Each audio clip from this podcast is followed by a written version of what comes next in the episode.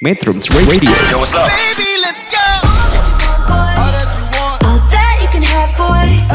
Got me spread like a buffet. Bon night. Now they always say congratulations. Come and strip that down for me. I'm on my way. Girl, come and strip that down for me. Yeah, yeah, yeah, Metrums. Radio, media terintegrasi kaum muda. Selamat malam metronom, berjumpa kembali dalam acara Arah Pandang Bincang Ideologi dan Politik Internasional edisi hari Kamis tanggal 12 November tahun 2020 dari radio online Metrum Bandung di bilangan Jati Handap Bandung. Edisi kali ini metronom seperti biasa selama satu jam ke depan akan ditemani saya Desmond dari Forum Studi Asia Afrika dan tentunya telah hadir seorang narasumber bersama kita. Beliau adalah Bapak Muhnizar Siagian, tapi ke depan saya akan memanggilnya Bung Izar ya. Bung Izar ini eh, saat ini adalah seorang akademisi di salah satu perguruan tinggi negeri di Indonesia.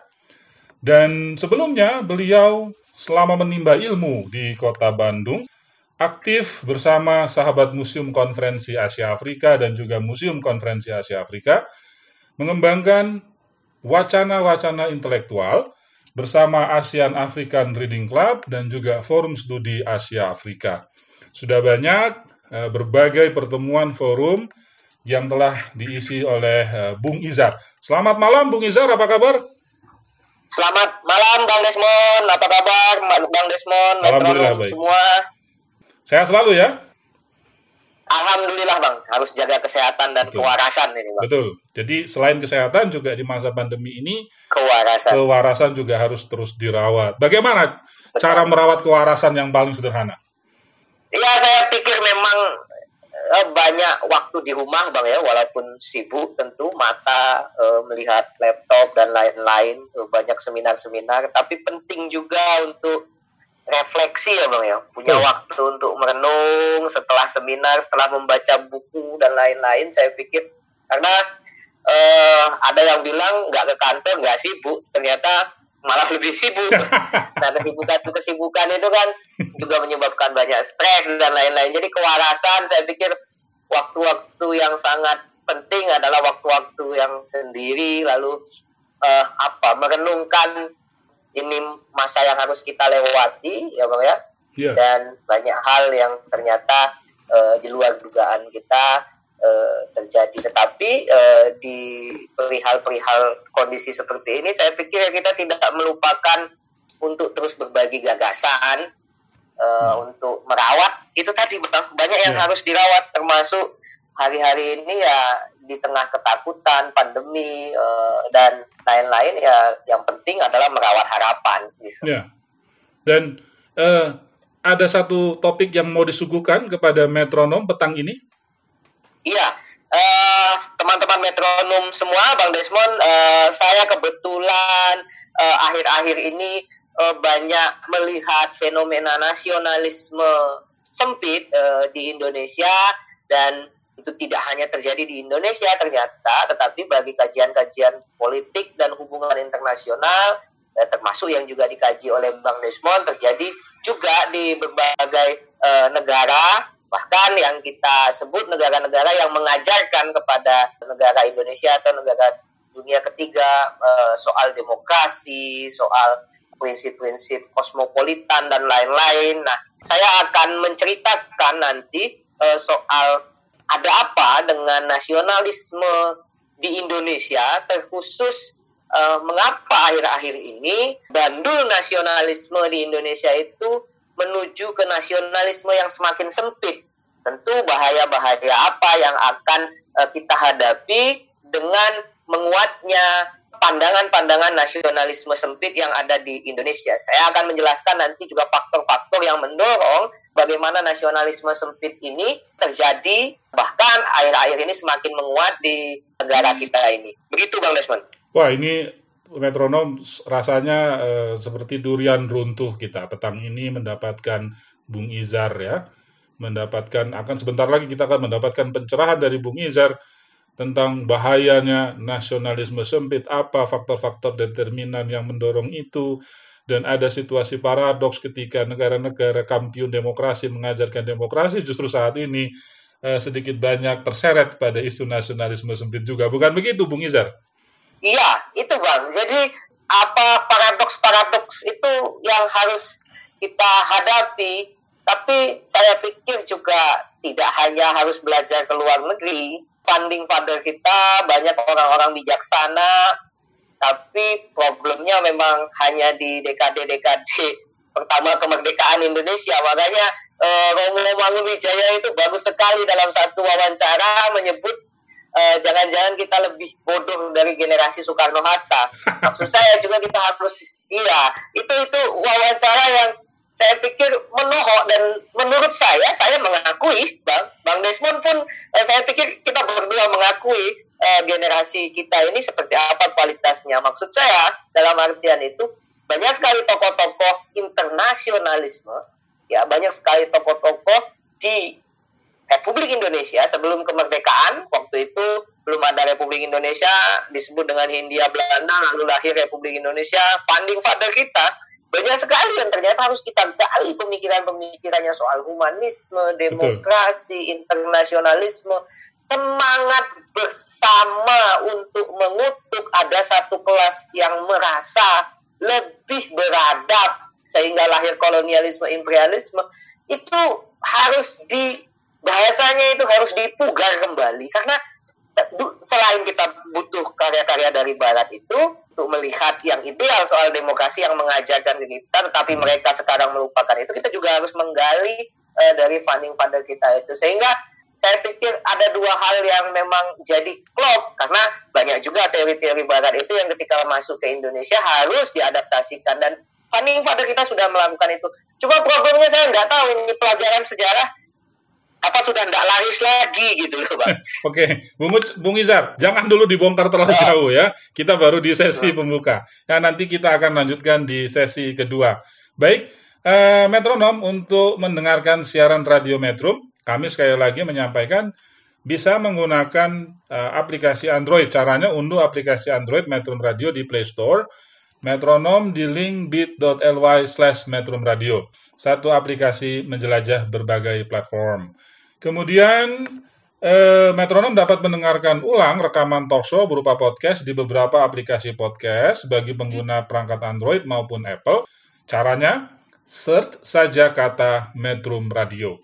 Baik metronom, kita akan jeda sebentar dan kita bertemu kembali bersama Bung Izar pada sesi kedua. Metrums Radio, Cause I can't get enough. media terintegrasi kaum muda.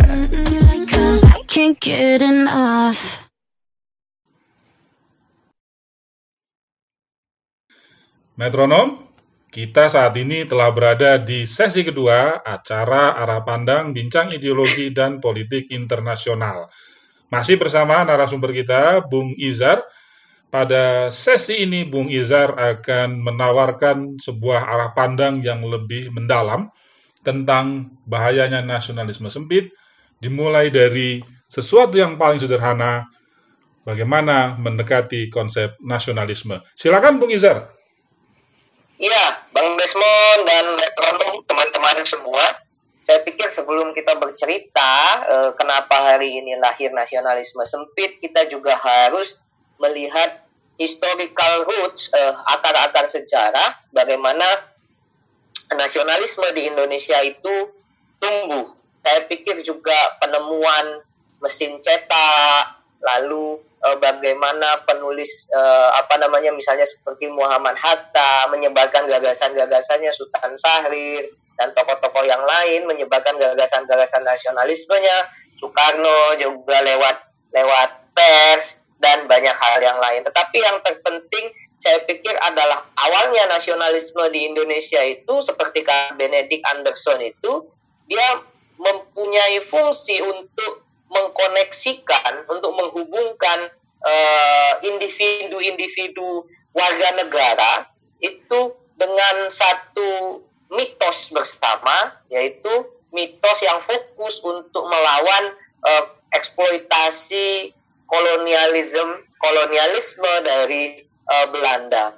Nah, juga poin penting di sini adalah nasionalisme menjadi satu satu apa namanya satu spirit perlawanan untuk di era kolon eh, di era kolonialisme. Dan ketika Indonesia itu di- digunakan jadi eh, akhirnya ada mitos kebangsaan eh, menjadi warga menjadi keinginan untuk lepas dari penjajahan menjadi warga negara Indonesia dan itu diproklamirkan pada eh, 17 Agustus 1945 dan setelah itu Soekarno memimpin kemerdekaan Indonesia. Nah, Soekarno juga eh, memanajerialkan bagaimana nasionalisme. Dia memanajemen nasionalisme di Indonesia. Saya membagi menjadi dua hal. Eh, yang pertama itu di dalam negeri waktu itu eh, apa namanya partai politik eh, dan kelompok-kelompok di dalam Indonesia itu perbedaannya cukup kentara. Di satu sisi misalnya ada komunisme, eh, di sisi lain misalnya ada Masumi dan banyak yang eh, partai-partai yang lain dan kelompok-kelompok yang lain. Dan eh, apa yang dilakukan Soekarno dengan nasionalisme? Yang dilakukan Soekarno dengan nasionalisme ini itu eh, untuk memanajemen mem- memanage eh, eh, apa namanya konflik politik di domestik. Jadi agar orang tetap walaupun berbeda-beda partai, berbeda-beda eh, golongan, agar mereka tetap eh, merasa sebagai satu bangsa dan satu tanah air. Mungkin eh, benar eh, yang dikutip oleh eh, Soekarno dari dari pendapatnya Gandhi atau dari pendapatnya Mandela, saya lupa eh, apa namanya dia mengutip soal eh, kesetiaan eh, kepada negara tentu lebih penting begitu. Lalu eh, yang lain eh, yang harus kit- saya sampaikan juga eh, selain memanajemen eh, konflik domestik eh, di Indonesia waktu itu juga pembentukan identitas nasional.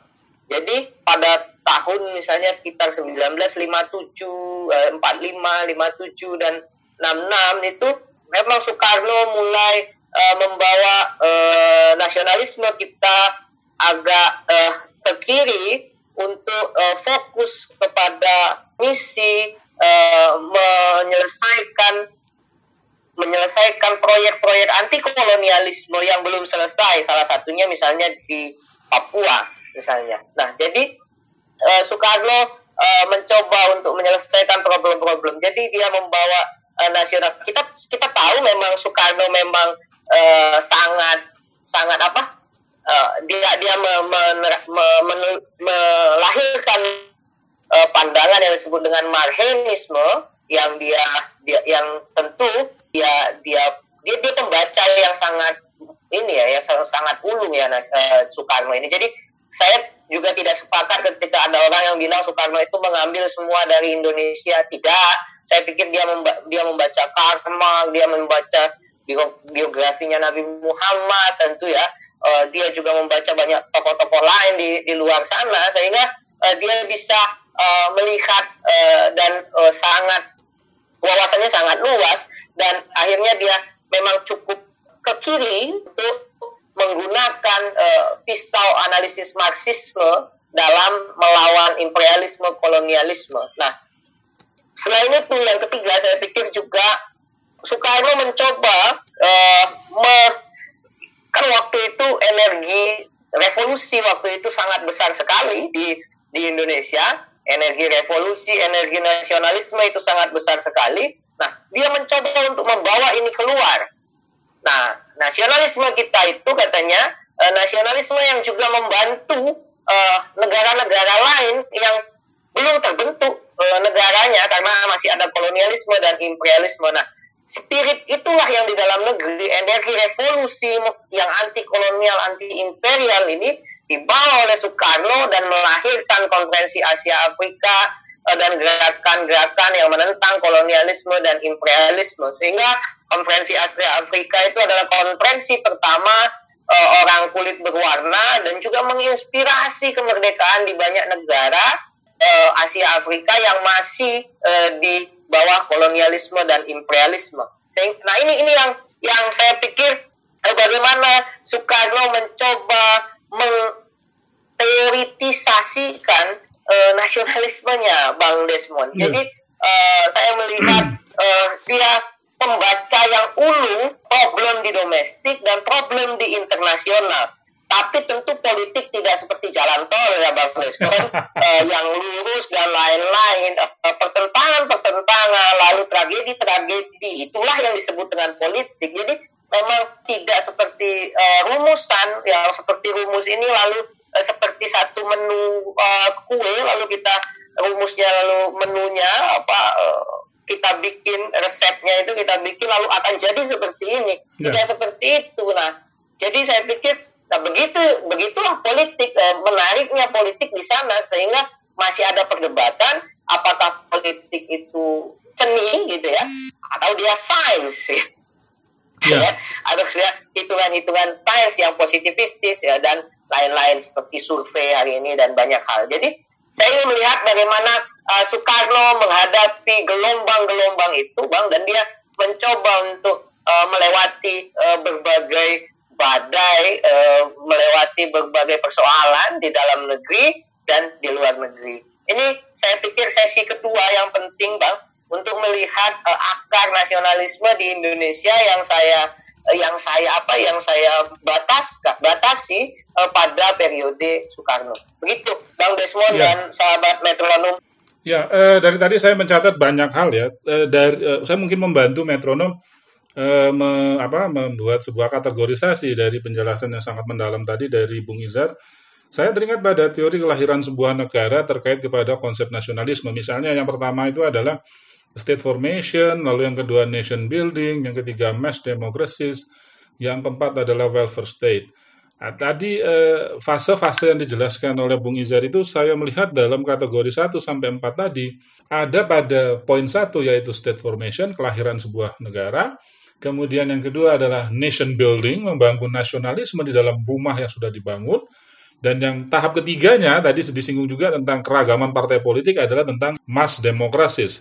Dan dari poin 1, 2, dan 3 itu kan tujuannya sebenarnya akhirnya adalah bagaimana mewujudkan welfare state, negara sejahtera. Nah, saya melihat begini, Bung Izar, dari eh, konsep nasionalisme yang eh, sangat kental di zaman Orde Lama, kalau boleh kita mengistilahkan kela- apa, nasionalisme dalam pembahasan ini tadi, di, yang sudah disampaikan oleh Bung Izar. Eh, ada titik kritis dari poin 2 dan poin ketiga, yaitu dari poin nation building masuk ke mass democracies. Karena pada saat mass democracies itu, para elit ya, ini sekali lagi di state formation itu kan sangat nasionalisme tidak lepas dari peran elit kan Bung Izar ya. Tadi ada apa? Benar, Bang.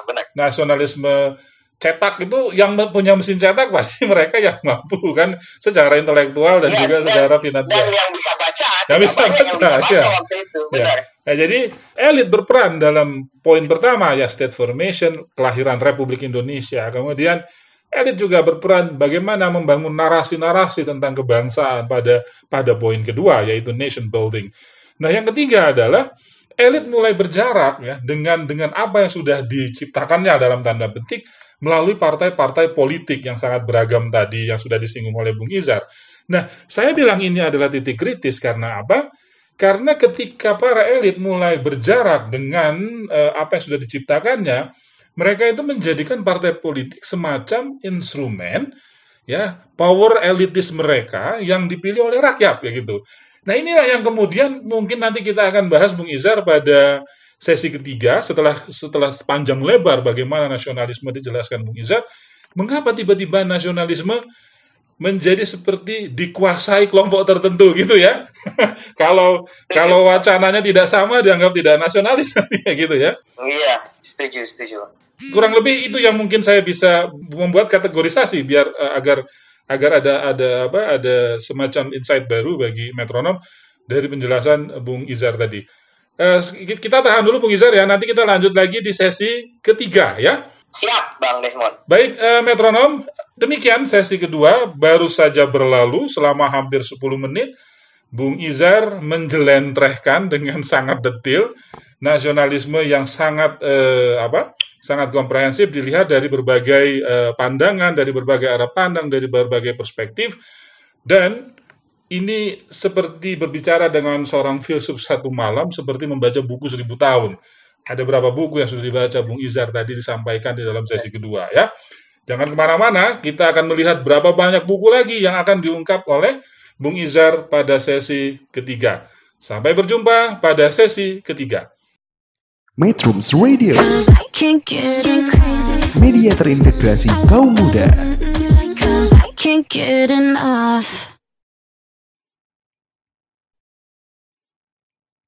Metronom, saat ini Metronom telah berada di sesi ketiga acara arah pandang bincang ideologi dan politik internasional. Seperti yang sudah dijanjikan oleh narasumber kita, Bung Izar, bahwa pembicaraan tentang nasionalisme tidak berhenti pada sesi kedua karena ada pada penjelasan berikutnya yang lebih mendalam dan lebih strategis. Bung Izar, silakan. Iya, Bang Desmond dan sahabat metronom. Tadi ketika di sesi kedua kita bicara historical roots dari nasionalisme di Indonesia yang babak itu saya menjelaskan soal Soekarno dan bagaimana Bang Desmond eh, menyimpulkan bahwasannya memang elit sangat berperan untuk menyebarkan gagasan nasionalisme. Saya sangat setuju. Bahkan saya ingat apa yang disebut dengan Nurholis Majid eh, ketika kolonial Belanda memberikan pendidikan eh, terhadap apa namanya orang-orang Hindia Belanda waktu itu, tapi yang priai ya, yang yang kelas atas itu seperti menggali kuburan kolonialisme dan imperialisme itu sendiri karena akhirnya seperti eh, membesarkan anak ular setelah besar ularnya mematuk orang yang membesarkan itu ya, seperti itulah.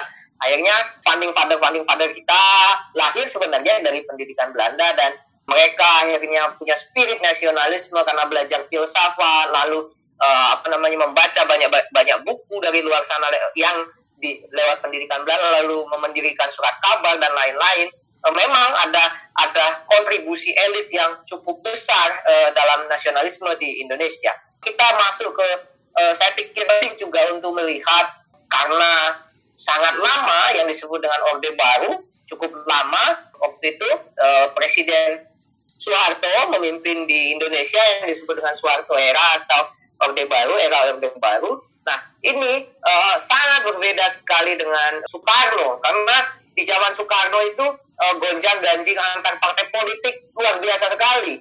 Ketika pergantian dari presidensial ke parlementer, eh, pergantian eh, pergantian perdana menteri juga eh, luar biasa. eh, apa namanya perdebatan-perdebatannya eh, luar biasa juga masa jabatan dari perdana menteri tersebut itu sangat sangat pendek. Nah, sedangkan di di zaman Soeharto eh, agak ti- tidak dijumpai hal yang seperti itu. Jadi eh, Soeharto melihat eh, nasionalisme itu eh, menjadi inward looking ya.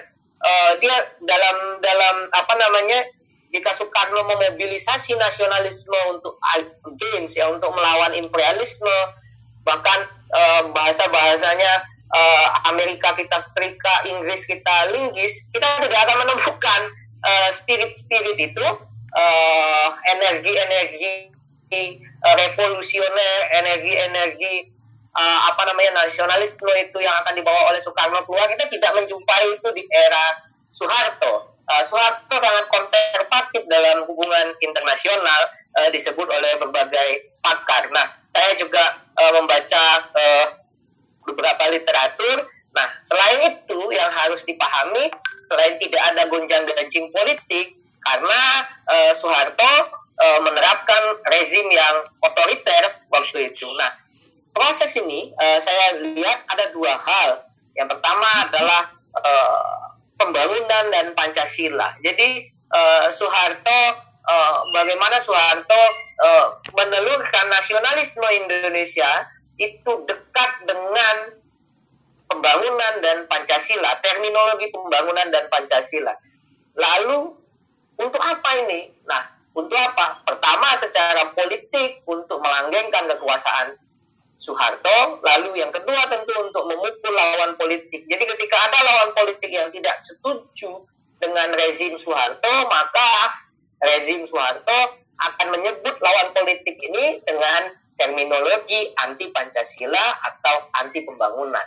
Nah, pola ini yang dilakukan oleh Soeharto dalam waktu yang cukup lama di Indonesia. Jadi eh, selain di keluar dia sangat inward looking, eh, apa sangat konservatif dalam hubungan internasional. Eh, yang kedua adalah bagaimana nasionalisme itu sangat tergantung dengan persepsi elit. Persepsi elit waktu itu di Indonesia yaitu persepsi rezim Soeharto. Nah, rezim Soeharto ini dia sangat eh, ada tiga hal rezim Soeharto yang harus kita lihat adalah bagaimana Soeharto, Golkar waktu itu lalu dengan tentara atau dengan angkatan bersenjata. Nah, ketiga hal inilah yang pola interaksi ketiga hal ini yang juga harus kita lihat. Nah, saya eh, melihat ini juga menjadi menjadi satu apa? Menjadi satu obrolan, menjadi satu diskusi yang harus kita gali bersama. Tentu waktunya tidak bakal cukup kalau kita eh, hanya dalam waktu lima menit atau 10 menit kita harus membaca banyak bahan yang saya juga tidak tidak bisa menyampaikan itu dalam waktu yang cukup singkat. Tapi ini yang harus kita diskusikan lebih lanjut, diskusikan lebih panjang. Uh, tentu juga mudah-mudahan menjadi apa namanya menjadi uh, rangsangan untuk teman-teman uh, membaca sendiri, mencari literatur-literatur sendiri. Karena harus harus harus dipahami dalam durasi waktu teman-teman semua Soeharto memanajerial, memanajemen nasionalisme itu 32 tahun di Indonesia.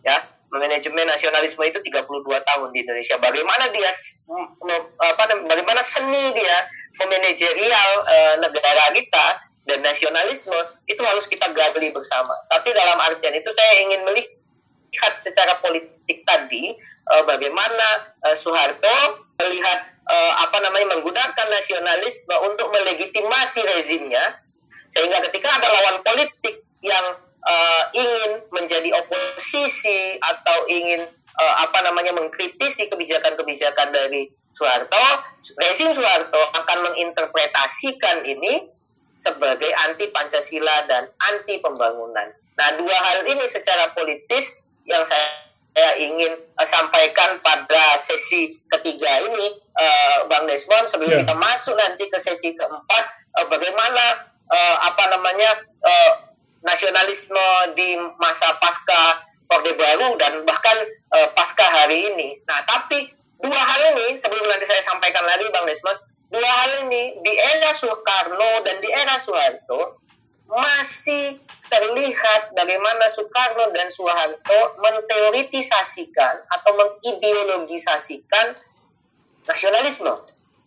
Tapi nanti setelah Orde Baru kita akan lihat itu berantakan sekali. Hmm. Ada satu ada satu ada satu uh, apa namanya penulis Indonesia nanti yang akan saya kutip uh, kita simpan itu di sesi ke uh, empat semua di sesi terakhir yeah. kita akan simpan itu nanti dia akan uh, mengkritik bagaimana hari ini uh, ketika zaman demokrasi uh, malah uh, ada apa dengan nasionalisme Indonesia yang semakin sempit. Dan saya pikir ini yang menarik setelah kita melihat roots dari nasionalisme di Indonesia. Begitu yeah. Bang Desmond yeah. dan sahabat metronom. Ya, Bung Izar dari tadi saya uh, apa hening mendengarkan karena berusaha apa melihat dari jalinan-jalinan fakta dan data yang disampaikan. Eh, kalau tidak salah di masa periode kedua ini yang tadi disebut sebagai Orde Baru, eh, kelompok-kelompok pengusung identitas itu tidak mendapat tempat ya malah ya. Wah, ya sangat tidak mendapat tempat, Bang. Tetapi kan di akhir-akhir akhirnya di di di apa ya uh, untuk untuk agar tidak liar uh, lalu dibentuklah misalnya kayak Ijmira Bang Desmond. Yeah. Itu kan di akhir-akhir akhirnya mendapat tempat agar uh, apa intelektual-intelektual Muslim itu uh, punya tempat. Jadi kalau misalnya jelas organisasinya dan lain-lain ya jelas juga untuk diatur. Begitu Bang iya, Desmond. Yeah, yeah. Dan uh, kalau misalnya dilihat dari political compass kayak gitu ya. Uh, nasionalisme ini sempat bandulnya bergerak ke arah kiri, tadi disinggung oleh Bung Izat. Apakah pada periode 32 tahun itu juga boleh dikatakan bahwa dia bandulnya bergeser ke arah kanan? Ya, uh, saya setuju, Bang Desmond, uh, agak bergeser ke arah kanan. Uh, misalnya uh, pembukaan eh, apa ya pem- apa investasi asing ya Bang Lisbon Ya, Eh, pembukaan investasi asing eh, kalau di rezimnya Soekarno kan beliau eh, sangat benar-benar ini ya sangat benar-benar dengan ide-ide apa namanya eh, ide-ide eh, eh, kanan dia dia tidak terlalu tidak terlalu eh, care eh, tidak terlalu perhatian terhadap ide-ide tersebut nah saya melihat Soeharto eh, memang membawa eh, apa namanya ini mulai ke kanan dengan juga termasuk hubungan yang sangat harmonis dengan eh, adik kuasa waktu itu Iya. di masa perang dingin bipolar itu hubungan yang sangat harmonis dengan eh, Amerika Serikat Bang Iya. Desmond. Nah, Bung Izar juga terkait pada ini, eh, saya eh, barusan terlintas tiba-tiba mendengar penjelasan Bung Izar, eh, apakah kepentingan nasional mempengaruhi eh, perilaku nasionalisme sebuah bangsa at- atau sebaliknya nasionalisme yang mempengaruhi kepentingan nasional? Karena saya melihat begini, eh, dua periode besar ini eh, ada dua kepentingan nasional yang sangat bertolak belakang. Pada periode pertama, kepentingan nasional adalah menjaga keutuhan wilayah Republik Indonesia, katanya seperti itu. Sehingga Periode pertama, ya benar. periode pertama Orde Lama. Kemudian pada saat masuk periode kedua yaitu di era Orde Baru, kan ada tadi sudah disinggung oleh Bung Izar ada keinginan yang disebut ya, biasanya dalam dalam ini disebut eh, diplomasi ekonomi dan diplomasi pembangunan sehingga mau tidak mau kepentingan nasional kita harus adaptif ya atau nasionalisme kita adaptif terhadap kepentingan nasional gitu cok Hmm. silakan Bung Izar Bang Des. Iya, eh, saya melihat begini Bang Des. Tapi ada juga hal yang bahwa itu kita lihat bagaimana elit dalam hal ini misalnya presiden atau lingkarannya me, me ini Bang Des, bagaimana elit menafsirkan nasionalisme. oke Lalu di- setelah dia menafsirkan nasionalisme, eh, lalu dia juga menafsirkan kepentingan nasional, ya itu sejalan. Eh, lalu bagaimana dua hal ini menjadi satu indikator untuk mengambil kebijakan luar negeri? Nah, maaf Bung Izar, saya jadi teringat eh, salah satu teori neoclassical realism ya bahwa kebijakan luar negeri sebuah negara itu sangat erat kaitannya dengan proses politik. Dan proses politik itu berada di lingkaran eh, kepala negara kalau dia berbentuk presidensial. Jadi political elite political elite inilah yang katanya eh, berperan besar justru dalam merumuskan kebijakan luar negeri katanya. Jadi kalau dalam neoclassical realism ini cocok ini masuk Bung Izar. Iya, Bang Des. Dan harus dipahami ya Bang Des ya. Ini ini yang saya harus lihat bagaimana waktu itu di zaman Soekarno. Saya tidak mau bernostalgia ya, tetapi ini menjadi menjadi apa namanya menjadi satu satu apa namanya rujukan, menjadi satu diskusi kita bersama. Bagaimana waktu itu ideologi-ideologi itu benar-benar diperdebatkan Bang Despot Ya, ya.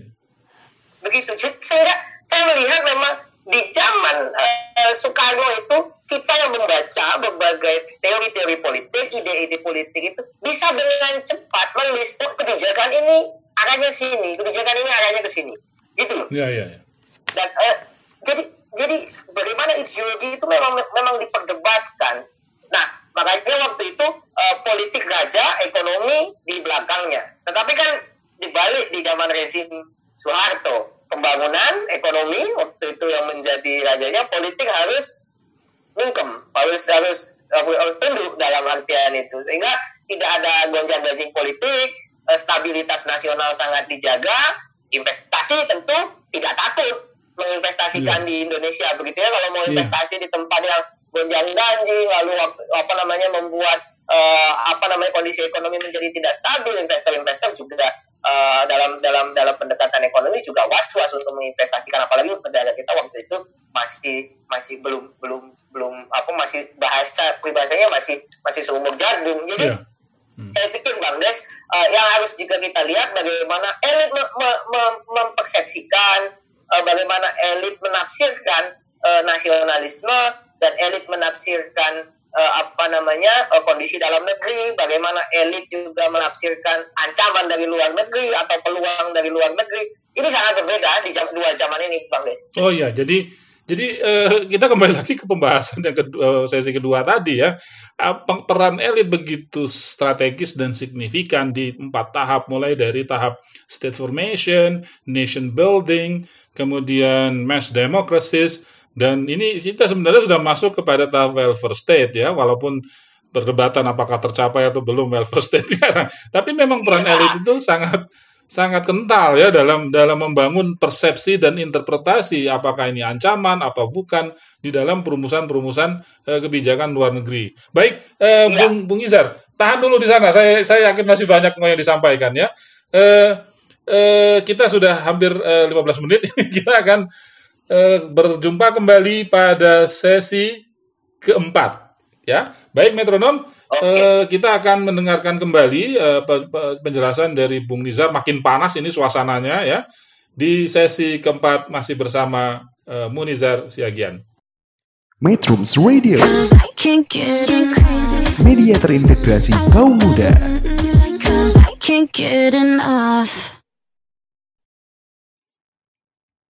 Metronom, ini adalah penghujung acara arah pandang bincang ideologi dan politik internasional. Artinya kita telah tiba di sesi keempat. Pada sesi ini, suasana makin panas dari Bung Izar dan kita sudah tidak sabar ya ingin mendengar eh, pamungkas ya dari suasana yang makin panas tentang bahayanya nasionalisme sempit dimulai dari the root of the history of the nationalism di Indonesia kemudian masuk ke era orde baru tentang klan elit dan sekarang kita tunggu eh, Bung Izar silakan Bung Ya, Bang Desmond. Nah, itu tadi yang saya simpan ya, Bang Desmond dan sahabat metronom. Eh, ada satu apa namanya satu eh, dari dari apa Edward Aspinall dia bicara soal eh, nasionalisme kontemporer di Indonesia itu semakin tidak ideologis dan semakin tidak teoritis. Kenapa demikian? Nah, kalau kita lihat di dua bapak tadi. Nah, eh, setelah Orde Baru ada satu momen saya pikir yang sangat eh, penting yang sangat berbeda waktu yang disebut dengan demokrasi yaitu pemilu langsung Bang Desmond elektoral. Nah, apa yang terjadi dengan nasionalisme? Tahan dulu, tahan dulu. para- tahan dulu ini gara-gara ini makin pragmatis atau gimana apa Bang Des? Gara-gara pemilu elektoral ini berubah menjadi makin pragmatis sehingga ideologis ditinggal Nah, ya itu tadi, itu yang harus kita lihat ini. Eh, Apa namanya? Oh iya, silakan, fakta. silakan. Iya, itu. Jadi Bang Des itu yang kita lihat berbagai fakta ketika dengan pemilu langsung dengan eh, apa namanya elektoral ini bagaimana para politisi itu memainkan jargon-jargon nasionalisme. Nah, jargon-jargon nasionalisme ini sangat kental sekali dengan kecurigaan bahkan paranoid Bang Desmond dan sahabat metronom terhadap hal-hal dari luar. Sangat curiga dan paranoid terhadap hal-hal dari luar.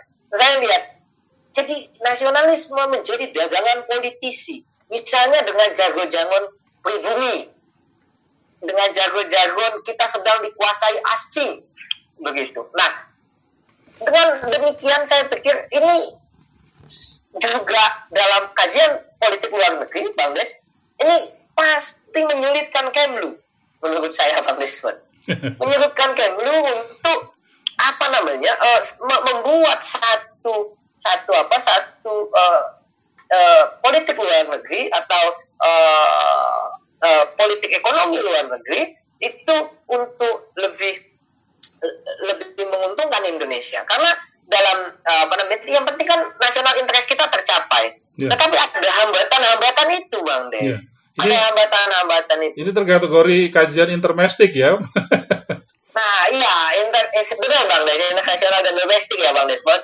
Eh, jadi, jadi ada hambatan-hambatan itu. Misalnya, bagaimana hubungan kita dengan Tiongkok? Ada trauma-trauma sejarah gitu yang bang Des ya. Ya. Lalu dengan dengan misalnya dengan Amerika atau dengan dengan Eropa juga juga ada apa namanya ada eh, kolonialisme dan imperialisme, anti asing dan anti asing dan lain-lain. Saya tidak menyebut eh, atau tidak menggiring opini untuk eh, kita eh, dalam artian eh, apa namanya eh, ayo eh, apa investasi sebanyak-banyak di, di Indonesia mem- membuka pintu seluruh saya tidak menggiring opini ke sana tetapi saya ingin meli- me- mem- membuka wacana bahwasannya yang penting nasional interest kita itu tercapai begitu. Nah, ini kan soal diplomasi, kecantikan, ya ada Bang Desmond. Ya. Seni berdiplomasi lagi kan yang harus kita kita kita kita lihat di sini adalah kecanggihan berdiplomasi, seni berdiplomasi. Nah, itu di, di zaman Founding Father bisa nggak ketika Agus Salim meminta apa Agus Salim negara yang baru merdeka lalu meminta bantuan ke negara-negara Timur Tengah, dia tur ke sana eh, apa namanya untuk mengakui kemerdekaan Indonesia juga Sultan Syahrir waktu itu ketika berpidato di Lake Success waktu itu eh, juga Muhammad Hatta juga Soekarno dan banyak tokoh-tokoh yang lainnya. Jadi itu bisa ini soal seni berdiplomasi. Jadi jadi ini saya pikir jadi hambatan karena di dalam negeri ada paranoid uh, paranoid gitu ya kecurigaan yang luar biasa dan kecurigaan dan paranoid ini ini menjadi dagangan politisi padahal eh, sebenarnya bang Des Ya. eh, saya setuju dengan eh, dan sahabat metronom saya setuju dengan pendapat Hari Herianto sebenarnya rasa benci yang akhirnya muncul ya. Kenapa kita membenci bahasanya Ariel Herianto? Ada rasa benci yang muncul terhadap hal-hal dari luar ya, asing dan asing dan lain-lain itu. Nah, sebenarnya muncul dari apa? Muncul dari ketimpangan, Bang Des. Jadi Muncul dari ketimpangan. welfare state yang tidak tercapai ini sebenarnya yang menjadi Iya, itu rahim kelahiran masalah, nasionalisme sempit ya. Iya, ketimpangan ini muncul dari apa? Muncul dari pekerjaan para elit-elit politik yang memimpin negara ini yang masih banyak PR-nya. Itu Bang Des. ya. Ya gitu. Jadi dalam artian saya ingin lihat bahwasannya bagaimana nasionalisme sempit ini tadi, jargon-jargon pribumi, kita dikuasai asing, kita dikuasai asing. Ini sebenarnya memobilisasi rasa kalah. Memobilisasi rasa kalah ya.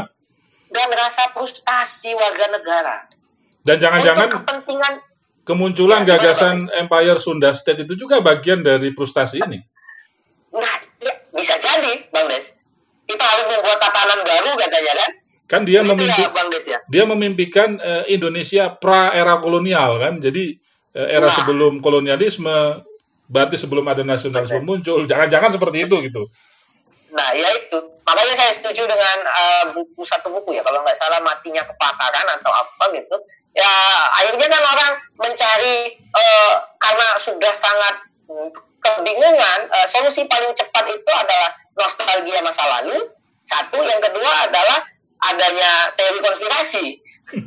karena ya itu itu itu itu itu jadi jadi jadi tidak hanya di di Sunda ya Sunda Empire ya Bang Desmond di banyak banyak ini banyak kelompok-kelompok identitas juga benar ya Bang Des Iya. Eh, sangat memimpikan eh, apa menostalgiakan masa lalu kejayaan masa lalu dan lain-lain. Nah sedangkan zaman sudah berubah. Nah saya pikir eh, akhirnya eh, materi-materi kampanye para politisi setiap musim pemilu itu musiman itu politisi mm, ketika musim pemilu itu dia memobilisasi rasa kalah dan rasa frustasi warga negara untuk kepentingan elektoral, Bang Des. Nah kadang-kadang nasionalisme dikawinkan dengan kepentingan agama mayoritas di satu tempat misalnya. Begitu Bang Des, kita sudah dikuasai, kita sudah ini dan itu. Akhirnya apa yang muncul? Yang muncul nasionalisme plus rasa benci gitu, Bang Hmm. Des. Yang disebut dengan nasionalisme sempit padahal intinya bukan di situ, intinya di ketim- ketimpangan sebenarnya menurut Arianto dan saya sepakat itu. Nah, ini bagi saya Bang Des, saya meminjam eh, meminjam apa? Meminjam teorinya eh, Karl Marx, saya meminjam dari Karl Marx. Saya bilang akhirnya ini menjadi kesadaran palsu. Nasionalisme yang seperti ini adalah nasionalisme yang dima- dimanipulasi, Bang. Dimobilisasi, Jadi- false consciousness ya. iya, di, dimobilisasi dan dimanipulasi. dan dimanipulasi. Iya, jadi di, di, dima- dimanipulasi akhirnya semakin sempit dan nasionalisme yang semakin sempit itu Bang Desmond membuat apa namanya sekelompok orang merasa dialah yang paling punya Indonesia. Akhirnya tidak hanya kita takut terhadap hal-hal yang di luar, nah, Bang Des, nasionalisme sempit Hmm. itu juga membuat persaudaraan kita di dalam negeri di Indonesia itu tercabik-cabik, Bang Des. Hmm. Nah, dan sahabat metronom. Jadi ini yang harus kita diskusikan untuk apa? Untuk merawat Indonesia ini. Hmm. begitu. Merawat Indonesia dengan apa? Dengan kedalaman berpikir dengan kebijaksanaan juga tidak dengan ketakutan.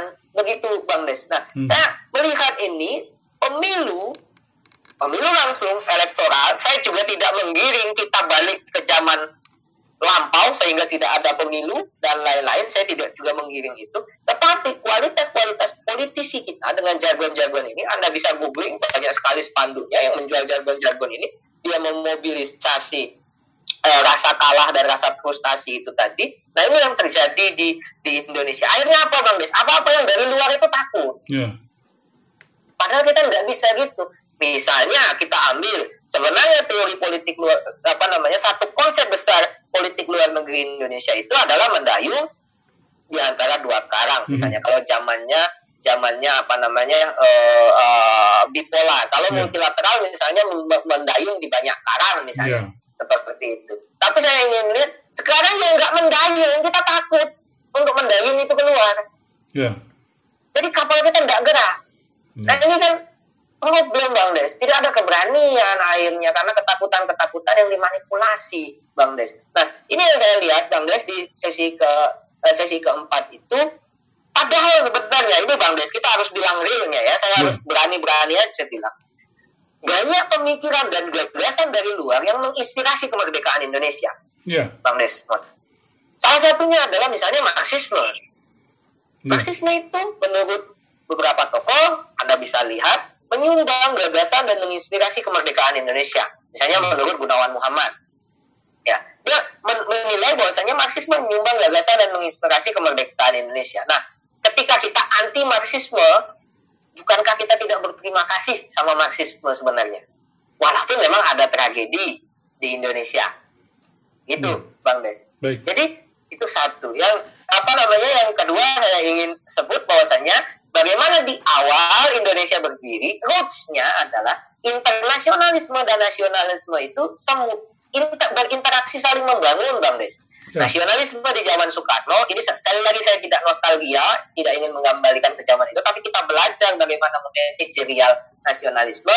Nasionalisme waktu itu energi nasionalisme yang besar, energi revolusioner, eh, revolusi yang besar di Indonesia. Nasionalisme seperti itu dibawa keluar berinteraksi dengan internasionalisme untuk apa? Membantu teman-teman di luar sana Ya. yang nasibnya senasib sepanungan di Indonesia.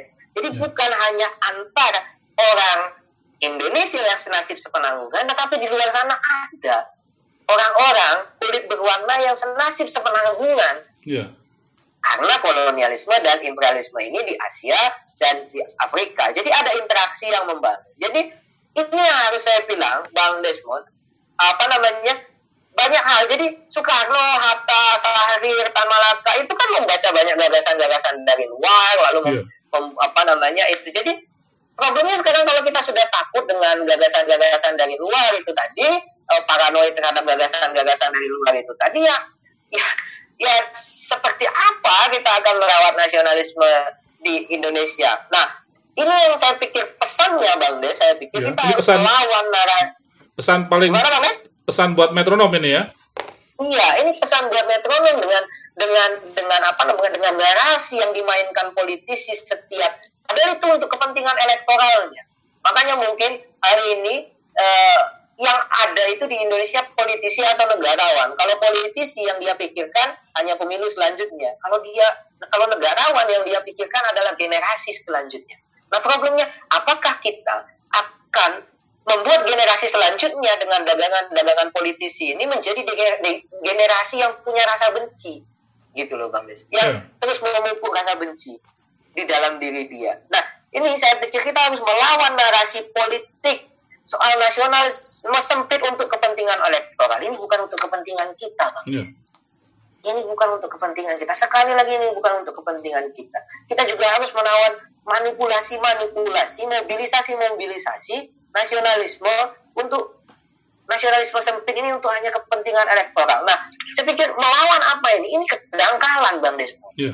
Makanya semakin tidak ideologis dan semakin tidak teoritis hari ini, karena juga tidak dikonsepkan. Ya, pokoknya eh, tujuannya adalah eh, memanipulasi, memobilisasi eh, rasa frustasi dari banyak warga negara Indonesia yang masih banyak eh, belum sejahtera, begitu ya Bang Des ya? Iya. Eh, lalu dia eh, tokoh itu dipilih, setelah itu juga sebenarnya tidak ada perubahan-perubahan yang besar juga. Iya. Eh, eh, tidak ada apa namanya perubahan yang besar di masyarakat. Makanya eh, kita harus melawan kedangkalan ini, manipulasi-manipulasi elit. Bagaimana melawan kedangkalan ini? Nah itu tadi Bang Des, ini perayaan berat Bang Des. Ya, Bung Izar, saya melihat eh, hasil apa ya pengamatan eh, sekilas saya dari tuntutan-tuntutan yang disampaikan yang menggunakan narasi sempit tentang nasionalisme itu eh, cenderung kepada tuntutan yang terkategori materialism interest, bukan idealism interest. Uh, idealism interest itu kan misalnya masalah eh, diskriminasi rasial gitu ya, kemudian Hmm. hak hak asasi manusia. Eh, sebagian besar eh, tuntutan itu kalau kita perhatikan tidak ada yang masuk dalam kategori idealism interest, tapi masuknya ke materialism interest tentang pekerjaan, tentang hak eh, yang, yang terkait kepada apa kesejahteraan masa depan, eh, kesejahteraan sosial. Jadi memang eh, dari kalau kalau lihat da- dilihat dari dua kategori ele- apa eh, apa eh, voters yaitu hanya pada i- idealism interest atau materialism interest memang kalau diuji menggunakan dua variabel ini, sebagian besar adalah masuknya di materialism interest. Jadi, bolehlah dikatakan bahwa memobilisasi rasa frustasi itu bisa divalidasi dengan tuntutan mereka yang terkategori pada materialism interest. Benar. Iya, saya, saya setuju itu Bang Des. Jadi eh, problemnya kan sebenarnya soal ketimpangan itu Bang Des. Ya, Iya kan. Jadi eh, jadi ini tapi kan eh, ik- ini dimobilisasi menjadi rasa benci itu betul. loh Bang. Ya, akhirnya demobilisasi jadi rasa benci ya. Baik, Ah, ah. Nah Ya. ini ini yang jadi problem Bang Des. Nah, saya pikir secara itu kita harus melawan kedangkalan ini dengan apa? Dengan Nah. kedalaman, dengan kedalaman ini seperti apa? Pikir tradisi membaca, tradisi berdiskusi gitu Bang Des. Ini Ya. yang membuat negara ini merdeka. ya, Tradisi ini yang membuat bangsa ini besar dulu, dulu ya, Bang Des. berani dialog ya, Tradisi ini gimana Bang Des? berani berdialog ya. Iya, berani berdialog, ada keterbukaan di sisi. Jadi saya juga ini ketika ada politisi yang mengkampanyekan itu di satu tempat, misalnya sedang berdialog dengan konstituen dan lain-lain, saya pikir sebagai warga negara yang ngerti persoalan seperti ini, kita juga harus menggugat. Itu itu yang disebut dengan demokrasi kan, Bang Des? Ya, itu yang disebut dengan dialog itu yang disebut dengan jadi kita sebagai masyarakat menggugat bahwasanya apa yang dia lakukan itu sebenarnya manipulasi termasuk misalnya lewat tulisan di surat kabar Baik. sekarang ada media sosial dan lain-lain tetapi juga secara langsung yang monggo nah ini yang saya pikir eh, apa namanya eh, ini penyakitnya gejalanya yang diobati tapi bukan penyakitnya bang Des ya, ya, ya. jadi ya. Gejalanya gejala gejala gejala ke- apa namanya kebencian ini tuh yang yang di, di- dikasih obat terus dipupuk terus. Tapi kan penyakitnya sebenarnya ketimpangan ini tidak pernah diselesaikan. Betul. persoalan ini. Nah kedangkalan ini itu yang saya pikir makin terjadi. Saya saya selalu bilang apa apa apakah tidak ada solusi lain gitu? Tidak ada solusi di dalam demokrasi itu. Saya setuju bahwa saya bang Des dengan pendapatnya Pak Mani Susilo. Demokrasi tidak apa namanya eh, memilih yang terbaik tetapi mencegah yang terburuk untuk Ya. memimpin ya bang Des ya Ya. nah problemnya kita lihat negara-negara demokrasi yang mengajarkan demokrasi di Indonesia akhirnya yang buruk juga ya pernah terpilih akhir-akhir ini memimpin gitu ya bang Des di beberapa negara yang mengajarkan demokrasi Di Brazil, di Nah, India ya. Nah, saya pikir problem problem ini eh, Bang Des, ketika masyarakat akhirnya tergiring ke sana, ke ke ke, ke manipulasi kesadaran, ke mobilisasi nasionalisme seperti itu, akan muncul satu kepala negara yang akan bicara seperti ini dan saya pikir ini membuat keadaan itu semakin tidak baik-baik saja Baik. gitu Baik. Bang Des. Jadi melawan ini yang saya pikir harus dan salah satunya saya pikir ya dengan mendengar siaran radio ini ya Bang Des ya, Ya. dengan mendengar ini. Karena kenapa? Karena eh, apa namanya ini penting untuk kita saling dialog, saling ngobrol Ya. dan saya dengan dengan apa namanya dengan pengetahuan saya yang sangat sedikit ini, saya mengakui pengetahuan saya yang sangat sedikit ini, saya cuma mengajak teman-teman untuk ayo kita merawat Indonesia dengan kedalaman berpikir, dengan dialog yang humanis, dengan keterbukaan, gitu, dengan wawasan yang yang apa namanya dengan dengan wawasan yang banyak gitu loh, Bang Des. Jadi ini yang kayak saya pikir demokrasi harus dirawat dengan seperti itu bukan Ya. dengan isu-isu yang sangat dangkal begitu bang Des Baik, baik, baik. dan Baik. sahabat metronom begitu bang Des Baik, dan baik. sahabat metronom penyampaian saya Baik. Terima kasih banyak Bung Izar eh, pesan dan semua penjelasan dari awal hingga akhir sangat bermanfaat ya tentang bahayanya nasionalisme sempit. Eh, kembali kita kembalikan kepada metronom ya karena ini eh, menjadi sangat apa? menjadi sangat eh, penting ya untuk diterima kembali dan eh, apa? disimpulkan sendiri oleh metronom. Baik, eh, metronom demikian sesi keempat baru saja berlalu dan artinya perjumpaan kita berakhir di sini. Ah, semoga perbincangan tadi tentang bahaya nasionalisme sempit yang disampaikan oleh Bung Munizar Siagian bermanfaat bagi metronom sekalian, terutama untuk menambah wawasan metronom. Kami mengucapkan terima kasih atas kebersamaan metronom selama sejam berlalu. Terima kasih juga kepada Bung Munizar Siagian atas pencerahannya pada malam ini. Semoga sehat selalu, salam sehat. Izinkan saya membaca petikan dari Bung Karno. Nasionalisme kita haruslah nasionalisme yang tidak mencari gebiarnya atau kilaunya negeri keluar saja. Tetapi haruslah mencari selamatnya manusia. Nasionalisme kita haruslah lahir daripada menselijk hate. Nasionalismeku adalah nasionalisme kemanusiaan. Begitulah Gandhi berkata. Nasionalisme kita oleh karenanya haruslah nasionalisme yang dengan perkataan baru yang kami sebut sosio-nasionalisme. Dan demokrasi yang harus kita cita-citakan haruslah demokrasi yang kami sebutkan sosio-demokrasi. Metronom, demikian. Sampai jumpa Kamis pekan depan dengan topik-topik yang menarik bersama Forum Studi Asia Afrika. Tetap stay di Metro Radio, media terintegrasi kaum muda dalam jelajah komunitas. Selamat malam, merdeka. Metrums Radio All that you can have, boy. Got me spread like a buffet. Bon now. Congratulations. Come and strip that down for me. I'm on my way. Girl, come and strip that down for me. Yeah, yeah, yeah, yeah. Radio Media terintegrasi kaum muda